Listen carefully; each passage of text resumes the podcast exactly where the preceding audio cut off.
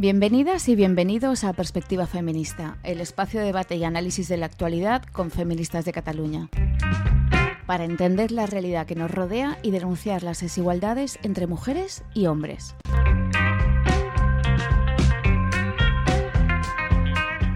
Soy Pat de Lidia y hoy quiero empezar el podcast contando algo muy personal porque algo me dice que muchas de las mujeres que nos están escuchando se van a sentir identificadas.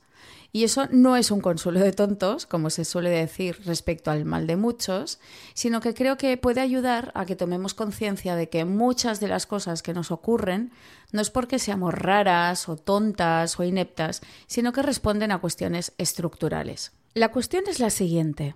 A mis recién cumplidos 49 años, me encuentro en la situación de que estoy bastante harta de mi trabajo en el mundo de la investigación social y de mercados.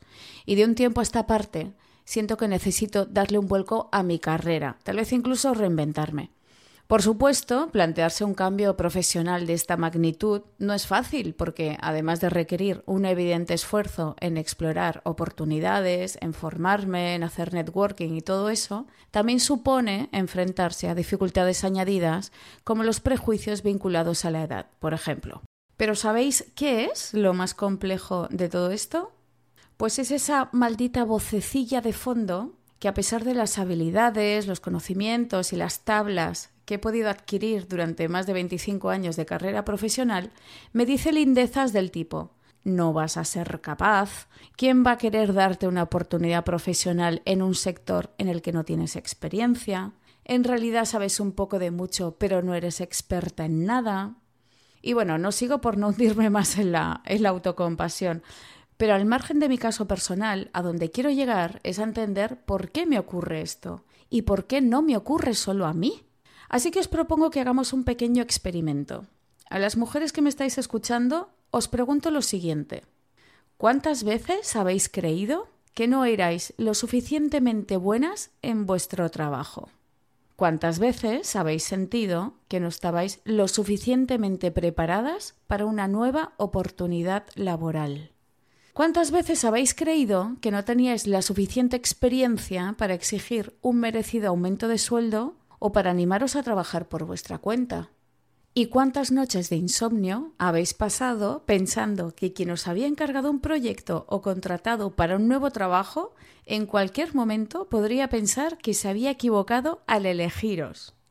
No estoy diciendo que nos sentamos así todo el tiempo. Yo misma voy alternando estas inseguridades con la certeza de que soy buena en lo que hago.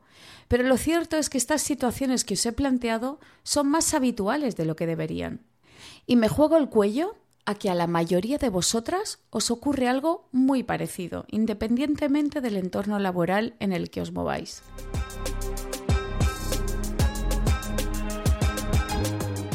Pues esto, amigas, significa que sufrimos lo que coloquialmente se conoce como el síndrome de la impostora, que aunque no es una enfermedad, sí que puede llegar a resultar muy doloroso y muy limitante. Doloroso a nivel emocional, porque cuando se manifiesta nos hace sentir pequeñas, poco valiosas y cobardes, a veces incluso culpables e idiotas.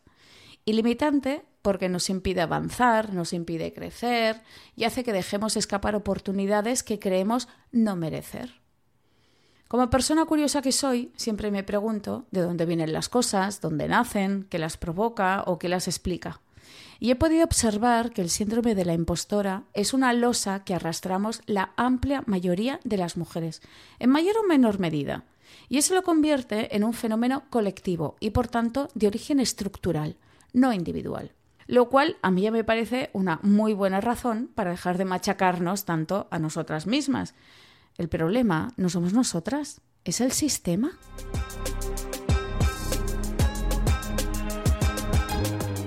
Veamos qué dicen los datos objetivos, antes de que alguien insinúe que nos sacamos estas ideas de la manga o que somos unas exageradas y unas dogmáticas. Los datos oficiales nos dicen que las niñas tienen un ratio de fracaso escolar mucho menor que sus compañeros de clase y que las universitarias superan en número y en expediente académico a los hombres. En concreto, según los datos del Ministerio de Educación correspondientes a 2022, La tasa de abandono educativo temprano es superior en los hombres, con un 17%, que en mujeres, con un 11%. Por otra parte, el 82% de las mujeres de entre 20 y 24 años había completado en 2022 al menos la segunda etapa de educación secundaria, casi siete puntos por encima de sus compañeros varones. Y en la población de entre 25 y 34 años de edad, un 57% de mujeres tiene un nivel de formación correspondiente a educación superior y doctorado, frente a un 44% de hombres. Ya en la edad adulta, si analizamos el mercado laboral, podemos observar también que las mujeres hemos logrado abrirnos camino en muchos ámbitos profesionales antes reservados a los hombres. Sin embargo, también sabemos que sigue existiendo una gran brecha de género en el entorno laboral, es decir, un volumen vergonzoso de desigualdades entre hombres y mujeres sin que medie justificación posible. De hecho, en cualquier ámbito profesional, absolutamente en cualquiera, a medida que vamos avanzando en la escala jerárquica, las mujeres van desapareciendo de forma progresiva de la foto. Cuanto mayor es el nivel de responsabilidad profesional, mayor es la ausencia de mujeres. Y esto suele deberse a una combinación de factores. El sesgo de género en la contratación y la promoción, el trabajo no remunerado que solemos asumir las mujeres, la falta de corresponsabilidad de nuestros compañeros emocionales en las tareas domésticas y de cuidado, o la invisibilidad corporativa de las mujeres y la consiguiente falta de referentes para todas nosotras. Pero además de todo esto, hay otra cuestión, y es que a veces nosotras mismas nos situamos en un segundo plano para evitar destacar y nos achantamos a la hora de hacer ciertas cosas o de asumir ciertos retos en el terreno profesional. Y claro, la pregunta es, ¿por qué hacemos eso? Pues básicamente porque tendemos a sentir que no estamos a la altura de las expectativas que esos pasos al frente puedan generar. Quiero volver a insistir en el hecho de que el síndrome de la impostora es algo que afecta a la amplia mayoría de las mujeres y por tanto nos encontramos ante un fenómeno colectivo y de origen estructural, no individual. ¿Y por qué soy tan pesada con eso? Pues porque al margen de las particularidades de cada caso individual, porque seguro que alguna de vosotras está escuchando esto y está pensando, pues yo no me siento insegura, pues yo soy una jefaza. Pues al margen de eso, si abrimos el foco y miramos a lo estructural, veremos que existen numerosos factores que juegan en contra de que las mujeres tengamos confianza en nuestras propias capacidades. Por un lado tenemos el peso de los estereotipos de género, ya sabéis, la famosa cajita rosa para nosotras y la cajita azul para ellos. Esos clásicos y típicos mensajes de niños listos, valientes y atrevidos, por un lado, y de niñas guapas, buenas y tranquilas, por otro, calan tan hondo en la infancia que incluso en la vida adulta cuesta desprenderse de ellos. Por otro lado, tenemos el peso de las expectativas que genera el modelo de Superwoman, ya sabéis, ese modelo de mujer impuesto por el que socialmente se espera de nosotras que seamos perfectas en una amplia variedad de roles, como profesionales, como madres, como amantes, deportistas, cocineras, modelos de pasillo eternamente jóvenes y delgadas, entregadas amas de casa. ¿Cómo no íbamos a sentir que somos un fracaso en alguno de estos roles si es materialmente imposible llegar a todo? Y por último, pero no menos importante, yo también destacaría la influencia del llamado currículum oculto de género. Es decir, es ese conjunto de ideas preconcebidas y expectativas relacionadas con el hecho de ser mujer u hombre y que se transmiten de forma inconsciente en los centros educativos. Os pongo algunos ejemplos para que me entendáis. El profesorado, por ejemplo, aunque sea de forma inconsciente, a menudo valora de forma diferencial los comportamientos, las actitudes y las aptitudes del alumnado en función de su sexo, es decir, en función de que sean chicas o chicos. También sería un ejemplo de currículum oculto de género el sesgo sexista de los contenidos de las asignaturas en las que, por ejemplo, al hablar de personajes históricos o de referentes, se ponen en valor unos u otros aspectos de estas figuras en función de que sean mujeres o hombres. Y en tercer lugar, no nos olvidemos del vergonzante hecho de que a día de hoy en los manuales educativos las mujeres seguimos infrarrepresentadas en comparación con los hombres. De hecho, las mujeres tenemos un máximo del 16% de presencia frente al 84% de figuras masculinas, tal y como explica la historiadora feminista Judith Gutiérrez Sánchez en sus investigaciones, confirmando los datos de otras académicas. Visto todo esto, si lo pensáis un poco, se hace muy evidente que en un mundo androcéntrico, es decir, un mundo en el que el hombre es la medida de todo y el referente de las cosas importantes, es imposible que las mujeres no nos sintamos pequeñas en muchas ocasiones. Por eso es tan importante la coeducación, porque como bien dice Silvia Carrasco en el libro titulado La coeducación secuestrada, para construir una sociedad más justa es necesario, en primer lugar, educar mediante contenidos y prácticas libres de sexismo y androcentrismo.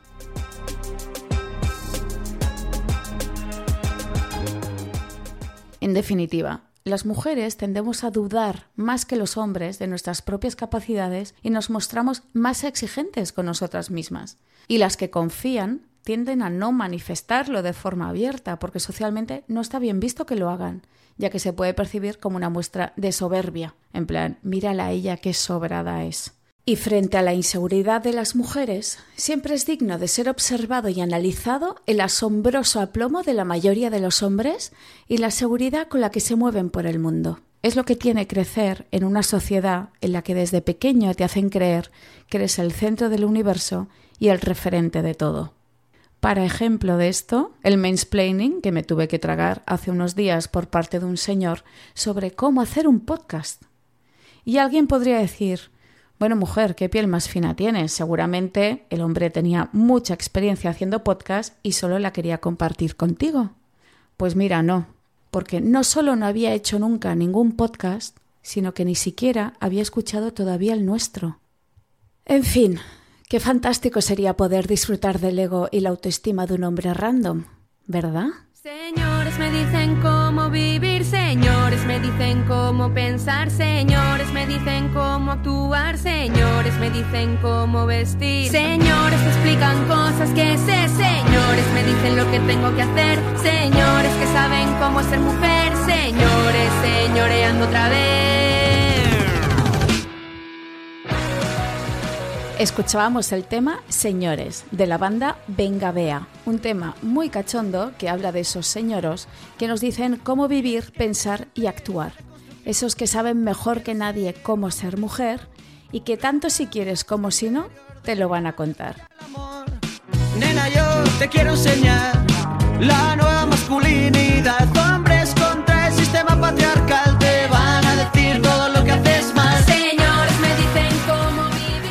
Y seguimos con la wiki feminista y mi compañera Erika Bastide.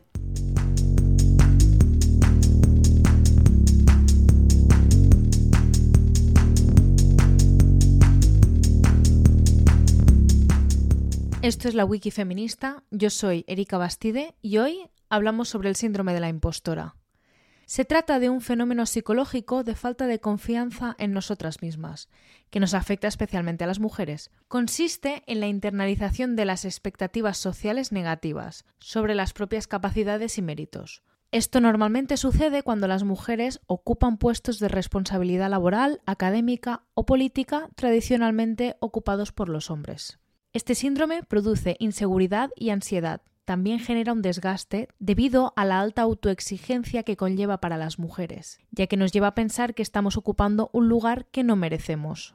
Además, acaba funcionando como una profecía autocumplida ante los posibles fracasos. En los casos más extremos, nos conduce a un autoboicot para evitar el éxito. Puede ser que una de las causas sea la falta de referentes femeninos, pero también la falta de expectativas que tiene la sociedad en las mujeres. Y es que el síndrome de la impostora se estudió por primera vez por las doctoras en psicología Pauline Clance y Susan Eames en el año 1978.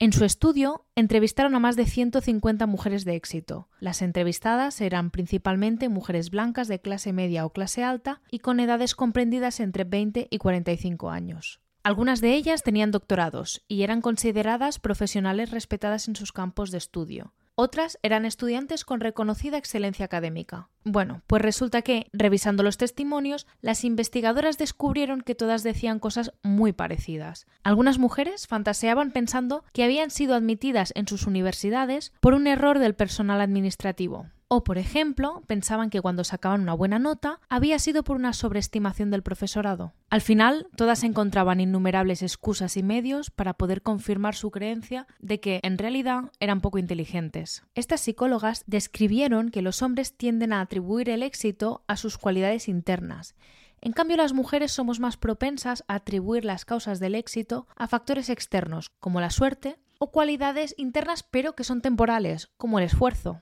Clance y IMS observaron dos tipos de impostoras. En un primer grupo nos encontramos a las mujeres que han tenido un familiar cercano, como un hermano, que ha sido designado como el miembro inteligente de la familia.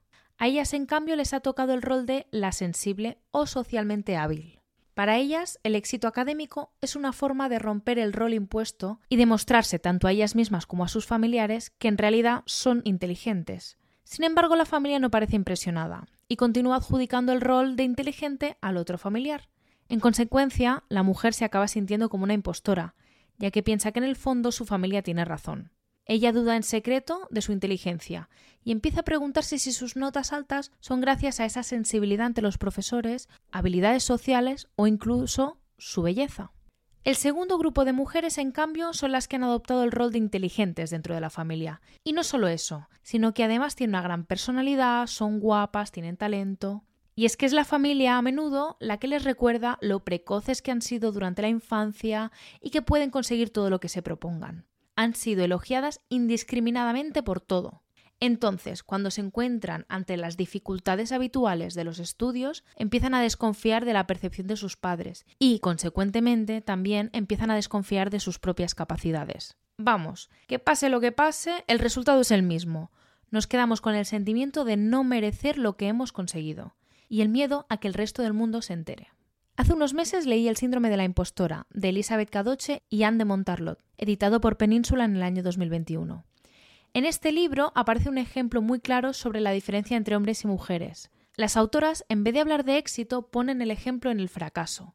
Decían, si en una clase universitaria el profesor hace el típico aviso de esta clase es muy difícil y mucha gente suspende, los alumnos varones que acababan suspendiendo piensan, claro, el profe ya avisó de que esta clase era dura. Es decir, atribuyen su fracaso a los factores externos. En cambio, las alumnas que suspenden atribuyen el fracaso a que no se han esforzado lo suficiente o que no son lo suficientemente buenas como para estar en esa clase. Yo también he sufrido y sufro el síndrome de la impostora. De vez en cuando me toca hacer presentaciones públicas en las que los asistentes me pueden hacer preguntas sobre lo que acabo de exponer.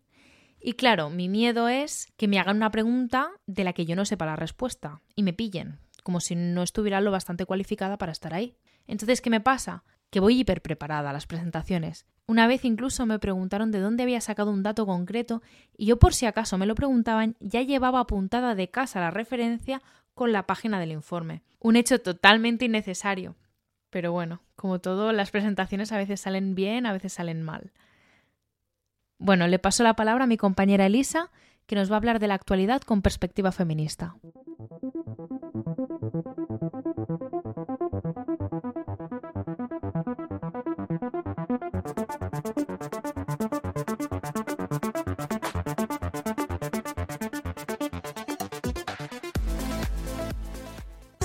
Para ser tan increíble? Nada que añadir. No, en serio, nada que añadir. Ah, chicas, os adoro. El premio Nobel de periodismo es para Barbie. Me esfuerzo muchísimo. Me lo merezco. ¿Te suena, Erika? Claro, es la Barbie. Te confieso que la he visto ya dos veces en el cine. Greta Gerwig es una mujer realmente lista. La peli ha sido un exitazo y este sketch es que es genial. Tía, pero al menos preséntate, ¿no? Ay, es verdad, perdón. Hola, soy Elisa Martínez, eh, soy la nueva colaboradora del podcast de Perspectiva Feminista y estoy muy contenta de compartir este espacio con vosotras y con vosotros. Desde luego que después de escuchar el audio, está claro que estas Barbies no padecen el síndrome de la impostora, ¿no? Ya me gustaría a mí recibir un premio con esta seguridad. Precisamente ahí está la gracia. Por eso nos descoloca la escena. Al contrario de lo que tú contabas antes, estas Barbies no sienten que no se merezcan sus premios, ni tienen miedo de que los demás desconfíen de sus capacidades. Totalmente alejado de la realidad. Así es. Mira, precisamente aquí tengo un estudio publicado en International Journal of Behavior Science que afirma que el síndrome de la impostora afecta al 70% de las mujeres en algún momento de sus vidas. Ostras, pero el 70% es muchísimo, ¿no? Claro, entonces las mujeres son más propensas a sentirse un fraude en el trabajo que los hombres, ¿no? Ya verás, escucha este audio. Las mujeres somos mucho más, mucho más modestas, ¿sí? Eh, a lo mejor a alguno os cuesta trabajo creerlo. Son datos mundiales, donde cuando una mujer se postula, está no 100, no ante 120% cualificada. Y cuando un hombre se postula, nada contra los hombres, sois fantásticos, pero muchas veces, y está bien, tenéis 50-60% de lo que se necesita. Ya ves, hasta Ana Botín se hace eco. Esa necesidad que tienen las mujeres de asegurarse de que van a ser lo suficiente para aplicar a un puesto, pero no te lo pierdas. Una vez conseguido, muchas sienten que no se merecen ese trabajo. Anda ya. Sí, así lo afirma un estudio encargado por Access Commercial Finance del Reino Unido. Este revelaba que las mujeres tenían un 25% más de posibilidad de sufrir el síndrome en relación a los hombres y dos tercios afirmaban haberlo experimentado y este mismo estudio además decía que las críticas son la principal causa por las que las mujeres se ven a sí mismas como un fraude. Las consecuencias, pues sueldos más bajos y menos promoción en el ámbito laboral. Claro, y todo esto ligado al peso de los estereotipos, supongo. Sí, fíjate que lo más vistoso se da sobre todo en mujeres con alto rendimiento. A pesar de sus múltiples pruebas de valor, a las mujeres les invaden sentimientos de incompetencia e inseguridad. Se trata de una apreciación subjetiva que no se sustenta en indicios reales. Y aunque su trayectoria laboral lo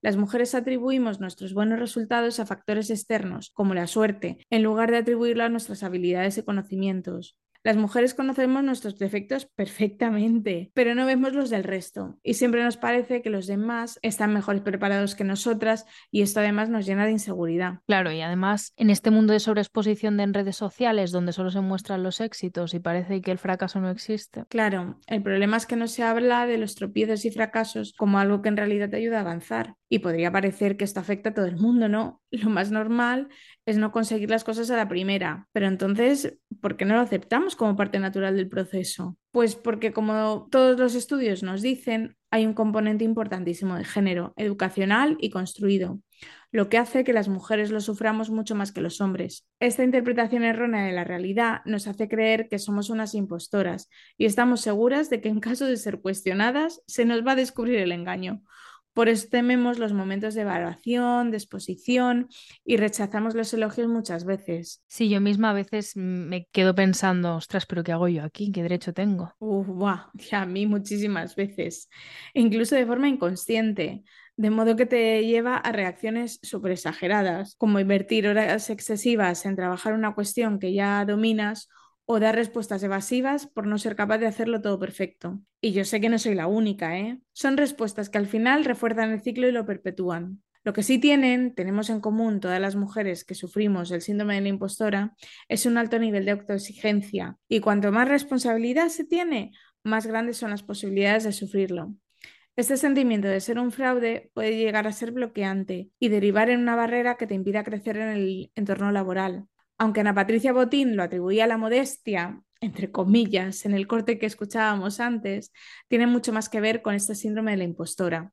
Un estudio realizado en 2016 por la Universidad de Salzburgo, en Austria, mostraba que la mayoría de las mujeres que lo padecen ven limitada su carrera profesional, tienen sueldos más bajos, menos promociones que sus compañeros con capacidades y experiencias similares y más incapacidad para buscar nuevos lugares de trabajo. Aquí me vienen un montón de conceptos a la cabeza, como puede ser también el techo de cristal o el suelo pegajoso. Así que ahora Pab de Lidia va a seguir profundizando en este tema con la entrevista de la semana en nuestra sección de Fem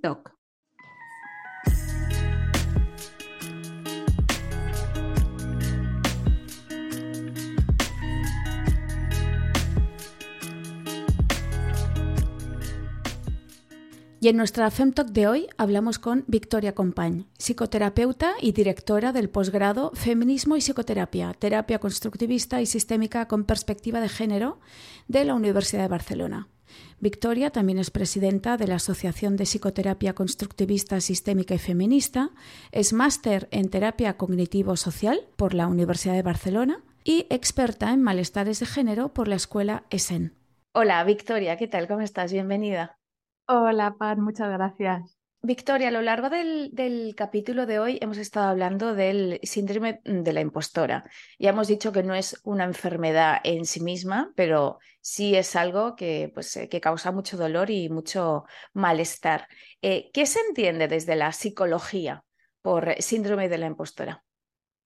Mira, yo antes de entrar a responder exactamente en qué es desde la psicología, me gustaría eh, compartir una reflexión que le escuché a Margaya, que es una, especialista, una psicóloga especialista en políticas de, igualdad en las organizaciones y que sabe un montón de mujeres en el ámbito la conozco, la conozco. laboral. Sí, y, hice una, le, escuché una reflexión muy interesante porque en realidad, como creo que habéis estado comentando, eh, las mujeres somos más precisas a la hora de valorar nuestras competencias, por ejemplo, ¿no? para optar a una entrevista de trabajo. Sin embargo, lo que se nombra, lo que se etiqueta es nuestra experiencia. Es decir, la normalidad siguen siendo ellos y nosotras seguimos siendo la desviación mm. de la norma, ¿no?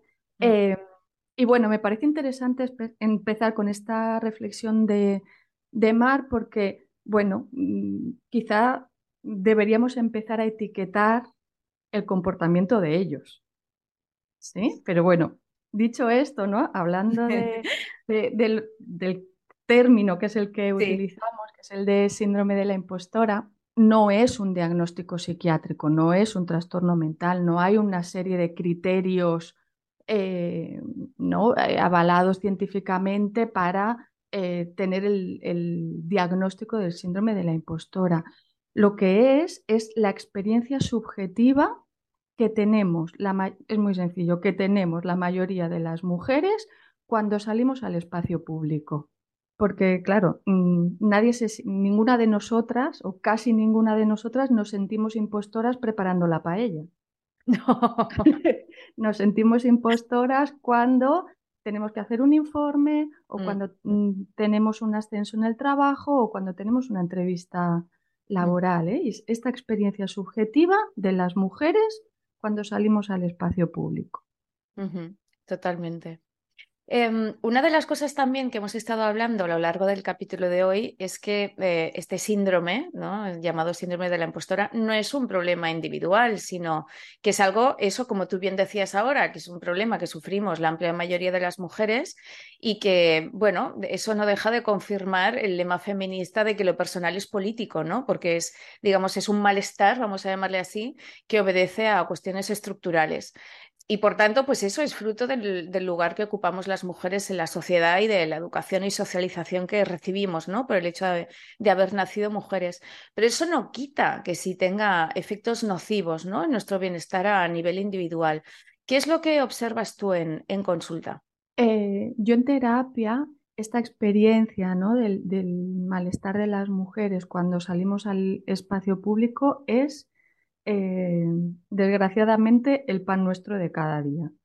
¿sí? Es algo que aparece sistemáticamente. Y tiene sentido que aparezca sistemáticamente porque voy a recurrir al concepto de sincretismo de género de Marcela Lagarde, ¿vale? Para explicar por qué creo que es normal que nos encontremos con tanta frecuencia este, este, este tema en, en terapia. Bueno, muy brevemente, ¿no? El sincretismo de género de Marcela Lagarde lo que viene a decir es que las mujeres actuales tenemos una doble socialización. Por un lado, tenemos una socialización moderna que nos dice que tenemos que ser autónomas, que tenemos que ser independientes, que tenemos que tener aspiraciones, un trabajo, algo que nos apasione, etc. Es decir, una socialización que va en la línea de mujer ocupa el espacio público pero a la vez seguimos estando socializadas en los cuidados y en lo que, que Amelia Valcárcel dice, la ley del agrado. Entonces, claro, ¿esto en qué se traduce? En unas demandas totalmente contradictorias, del tipo eh, defiende lo que piensas sin molestar a nadie o ocupa el espacio sin que se te vea mucho. Entonces, claro, estas demandas contradictorias van, implican mucha incomodidad. Vamos a salir al espacio público con mucha incomodidad, no cómodas, porque, porque ¿cómo ocupas el espacio público sin que se te vea demasiado? Y cómo dices realmente lo que piensas y defiendes tus creencias sin molestar a nadie. O sea, claro. es como. Claro, ya puedes sonreír muchísimo, pero por mucho que sonrías, estás diciendo lo que estás mm. diciendo, ¿no? Entonces, claro, lo que, lo que yo veo en terapia tiene que ver con esto. Mujeres que por un lado quieren salir al espacio público, ocuparlo, ya están en el espacio público, quieren ascender en sus trabajos o quieren hacer buenos informes y que los lean otros profesionales o quieren eh, lo que sea, pero a la vez tienen muchas dificultades para decir lo que piensan, para tomar decisiones, para poder explicar lo que están haciendo, ¿no? Y el síndrome de la impostora para mí representa esta experiencia dilemática de las mujeres. ¿no? Queremos salir, queremos que se nos vea, pero a la vez de una forma que no se nos vea demasiado. Y entonces, claro, por eso es, al ser una experiencia tan dilemática, es algo que las mujeres van a traer a terapia para hablar de ello, porque no saben cómo, cómo resolverlo. Y muchas veces intentan, intentamos resolverlo con más formación, con más conocimientos, más formación, más preparación, pero claro, no se resuelve así. Mm, mm. Y, esto que me comentabas ahora, ¿cómo, o sea, ¿cómo se traduce en términos como de a nivel emocional? Te iba a decir de síntomas, pero no es tanto de síntomas, sino de como de sentimientos, ¿no? O sea, eh, estamos hablando de, pues eso, baja autoestima, estamos hablando de culpa, estamos hablando de, de, qué tipo de emociones estamos hablando. no, es exactamente una baja autoestima. Vale. Porque alguien mm, que tiene una baja autoestima muchas veces ya ni, ni, piensa en optar a ese trabajo. Vale. Se trata más bien de una autoestima, eh, de una inestabilidad en relación a la autoestima, porque por un lado nos sentimos capaces, nos sentimos competentes, pensamos que lo podemos hacer y a la vez estamos pensando mm. que sí que somos capaces, que somos competentes, sentimos eh, que somos unas impostoras. Entonces es un poco más complejo que la baja autoestima. Mm. La baja autoestima la subes. Sí. Bueno, no es tan fácil, ¿eh? pero para, esto tiene más que ver con esta inestabilidad, esta una sensación constante de duda interna y de desconfianza hacia, al final, hacia, hacia nosotras mismas. Si lo que estoy mm. pensando tiene sentido o no tiene sentido. Sí, sí. Sí, sí, no, no, no, es que, claro, voy sintiendo todo el rato con la cabeza porque es que, o sea, mm, eh, a, mí, a mí misma me ocurre con, con, mi trabajo y estoy segura que a muchas de las mujeres que ahora nos están escuchando también, por no decir todas, ¿no? Que siempre estoy en esa ambivalencia de, por un lado, pienso, hay momentos que digo, no, porque yo en mi trabajo soy muy buena, ¿no? Sé mucho de lo mío, tal. Y luego hay momentos que digo, oh Dios mío, voy a ser incapaz. Y, noches de insomnio y unas angustias y un proyecto nuevo. Bueno, bueno, se me cae la casa encima y em, eso es, es, muy loco, ¿no? Porque te vas de un extremo al otro con una facilidad pasmosa. Claro, claro, porque por un lado sabemos que lo podemos hacer, pero tiene que ver con esa incomodidad mm. ¿no? Del, de, estar ocupando un espacio que seguimos sin vivir como propio. Mm, es el espacio público. Es eso. Salimos y sentimos que somos capaces de salir, pero no lo vivimos como casa nuestra. Mm, mm. Entonces eso genera esta, esta inestabilidad interna. Y, esto, ¿eh? muchos sentimientos de confusión. Oye, y entonces, claro, decíamos antes que es una cuestión de origen eh, estructural, ¿no? Pero que nos afecta a nivel individual. ¿Cómo se trabaja algo así en terapia? Creo que la mejor opción para trabajar el síndrome eh, de la impostora en terapia es aceptarlo. Aceptar que no es una cosa mía, no es una cosa de cada mujer particular, sino que es algo que nos pasa socialmente y no sé hasta qué punto vale la pena el esfuerzo, mm, que no sé si es posible conseguir, de eliminar esa sensación de impostora o creo que vale bastante más la pena asumirlo, aceptarlo y tirar para adelante, ¿no? Es como reconciliarte con, con la impostora y bueno, decir, venga, vámonos las dos a la entrevista de trabajo o venga, vámonos las dos a la, a la conferencia o vamos a redactar el informe las dos juntas, ¿no? Es como, bueno, sé que está ahí, sé que es un ruido de fondo que, que interfiere, pero también es verdad que cuanto menos me peleo con ella, Mm, ¿no? Y bueno, asumo que está ahí, pues menos interfiere también. mm. Hay veces que este esfuerzo por intentar que se vaya genera todavía más sufrimiento. Claro. Bueno, y además también es eso, el tomar conciencia, ¿no? Como decíamos hace un momento, de que es algo estructural, que es algo social, que porque cuando tú tienes un, un, un problema, una dificultad, un, un, pensamiento recurrente y te crees que lo tienes solo tú, eso es atormenta, ¿no? Pero cuando de repente las mujeres empezamos a hablar entre nosotras, por eso es tan importante que lo hagamos, empezamos a hablar entre nosotras y nos damos cuenta que, ostras, no me pasa solo a mí, le pasa a esta y la demás allá y a la otra y a la otra, y aquella que parece tan fuerte y a la demás. Y entonces es como, ah, bueno, ¿no? Parece como que eh, ya no te pesa tanto, no sé. Porque, porque las mujeres, algo muy importante de la socialización femenina es la culpa. Las mujeres nos sentimos sistemáticamente culpables de todo. Entonces también nos sentimos culpables de sentirnos impostoras. No debería sentirme una impostora con todo lo que yo he estudiado, con todo lo que yo me he preparado, con toda mi experiencia. Entonces, claro, cuando asumes que no es tuyo, y esto que estás diciendo creo que es súper importante, ¿no? El poderlo hablar co- como mujeres, ¿no? Incluyendo mujeres, ¿no? Pues en, posiciones que asumimos que ya no tienen que sentirlo, no, no, la- las mujeres que están en posiciones eh, públicas, ¿no? También lo sienten, ¿no? Y también está ahí, nos libera de una parte de la culpa, ¿no? Es decir, Mm. vale, esto no es mío. Sí, y no, mm, no sé, no, no, no tengo que hacer yo nada para reparar esto porque no es mío. Mm, mm. De hecho, mira, yo creo que ha llegado el momento de confesarlo. Cuando, desde que hemos empezado a hacer el, el podcast, eh, pues, eh, bueno, pues para cada tema buscamos una experta, igual que en esta ocasión te hemos, hemos buscado a ti, ¿no? Para, para hacerte esta entrevista, para hablar del síndrome de la impostora.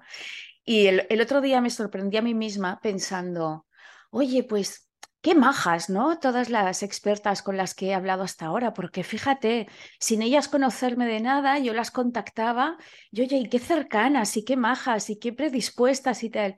Y de repente me di cuenta, pensé, ¿y eso por qué me sorprende? ¿No? Entonces me di cuenta que me sorprendía porque, claro, el teneros como ex con la etiqueta expertas, erais como te meto a ti también en el mismo saco, ¿no? Como experta que estás aquí, como, como en la categoría esa, experta intocable, súper arriba, donde yo no llego, y entonces yo soy una Mindundi, ¿no? Aquí el síndrome de la impostora, y claro, yo me acerco en plan, no te quiero molestar, ¿eh? Pero te podría hacer una entrevista para nuestro podcast, por favor. Y ahí tomé conciencia y dije, madre mía, o sea, se mete por todas partes este síndrome.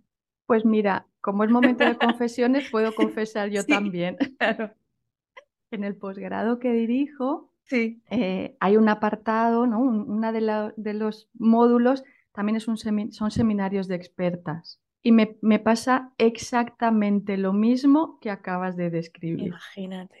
Cada vez que me he puesto en contacto con una docente eh, para pedirle que participe en el seminario, he tenido la misma sensación.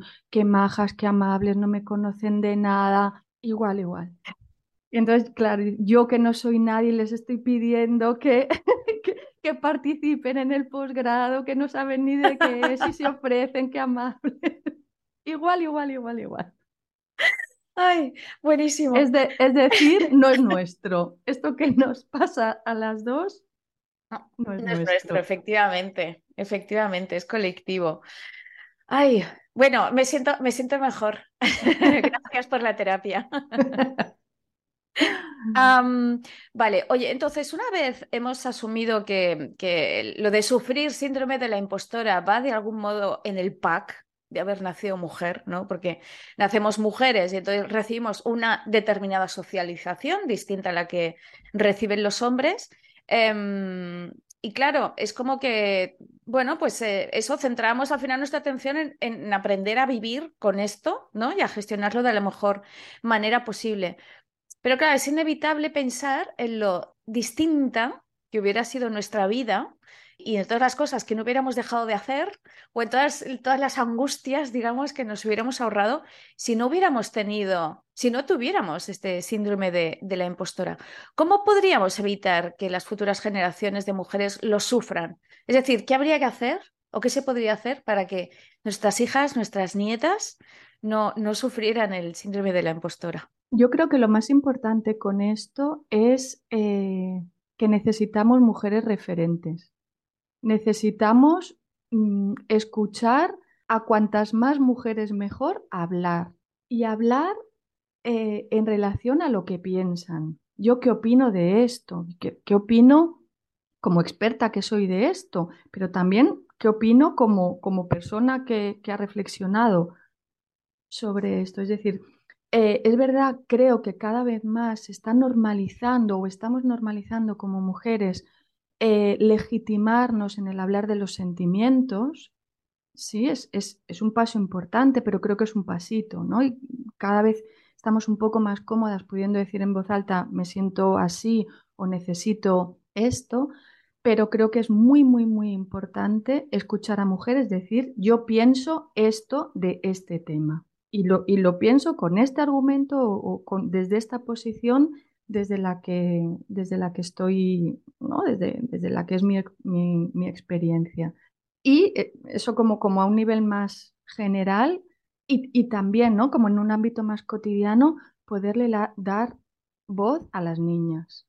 Que las niñas también puedan decir qué piensan de las cosas, ¿no? Oye, ¿tú qué piensas? A tu hija, a tu sobrina, a tu, mm. a tu vecina. Eh, ¿Y tú qué piensas de esto? ¿Qué opinión tienes sobre esto? Porque al final el síndrome de la impostora tiene que ver con eso, con posicionarse sobre algo, en una entrevista de trabajo, en un informe, en una conferencia, en lo que sea, ¿no? Y pues esto, escuchar a mujeres hablar sobre todo. O sea, de alguna manera, no sé si, si, por asegurarme que lo he entendido bien, claro, cuando nosotras hablamos de cómo nos sentimos, es cuando algo ya ha ocurrido, digamos, ¿no? Es como un, una actitud reactiva para entendernos. En cambio, si hablar de lo que opino sobre algo o lo que quiero o lo que deseo o mi objetivo es, es como una actitud más proactiva, ¿no? Sí, sí, es el, el sentimiento, cuando hablamos del sentimiento, em, esto sí, mm, tiene que ver con algo que ha pasado y que me ha hecho sentir de una determinada forma. Mm. Eh, y eso es importante, pero también, no sé cómo decirlo, es voluble, cambia. Si el otro, me estoy yendo ahora un poco al espacio privado con esto que, que has dicho, ¿eh? pero claro, si el otro se disculpa, pues a lo mejor ya dejo de sentirme como me sentía y eso no siempre es bueno. Bueno, y no deja de ponerte en una posición pasiva. Exacto. Sí, mientras que una opinión, creo, eh, una opinión ¿no? suele estar reflexionada, suele haber dedicado un tiempo a decir yo qué pienso. De este tema y creo que eso nos da una como una estabilidad interna, una seguridad interna que es el antídoto o, o, uno de los antídotos para esta inestabilidad que hablábamos antes, ¿no? Decir, me siento capaz, pero no me siento capaz, a veces me siento segura, pero al, al segundo, al, ¿no? al minuto siguiente ya me siento insegura, ¿no? Y poder tener estas opiniones de, de, de lo que yo pienso de la vida, de las relaciones, de mi trabajo, de cómo se tienen que hacer las cosas, eh, pues creo que nos da una, una estabilidad bastante interesante. Muy bien. Entonces, ya simplemente a modo de conclusión, Victoria, porque yo quiero que todas las impostoras se vayan terminen el podcast como con, con, buen sabor de boca, ¿no? Como decir, venga, yo puedo con esto. ¿qué, ¿qué, mensaje les lanzamos a todas las impostoras que nos escuchan de qué hacer con ese síndrome que les está, les está tocando la puerta cada dos por tres? Yo lo que diría, lo primero de todo es, no es culpa vuestra. Eso grabado a fuego, no es culpa vuestra. Eh, y dicho esto, actuar. Da igual, lo importante es hacer. Mm, mm. ¿Sí? Y, y, ya está, y ya, y ya, veremos qué pasa después. Pero como no es culpa vuestra, podéis ir a esa entrevista o podéis hacer ese, ese trabajo que tenéis que hacer o, ese, o aceptar ese ascenso que os están proponiendo. Exacto, exacto. Muy bien. Podemos. Perfecto. Muy bien, Victoria. Pues muchísimas gracias. Ha sido un placer. A ti, la verdad que, que, he estado muy, muy a gusto contigo hablando de, de todo esto. Muchas gracias por invitarme. Qué bueno, gracias.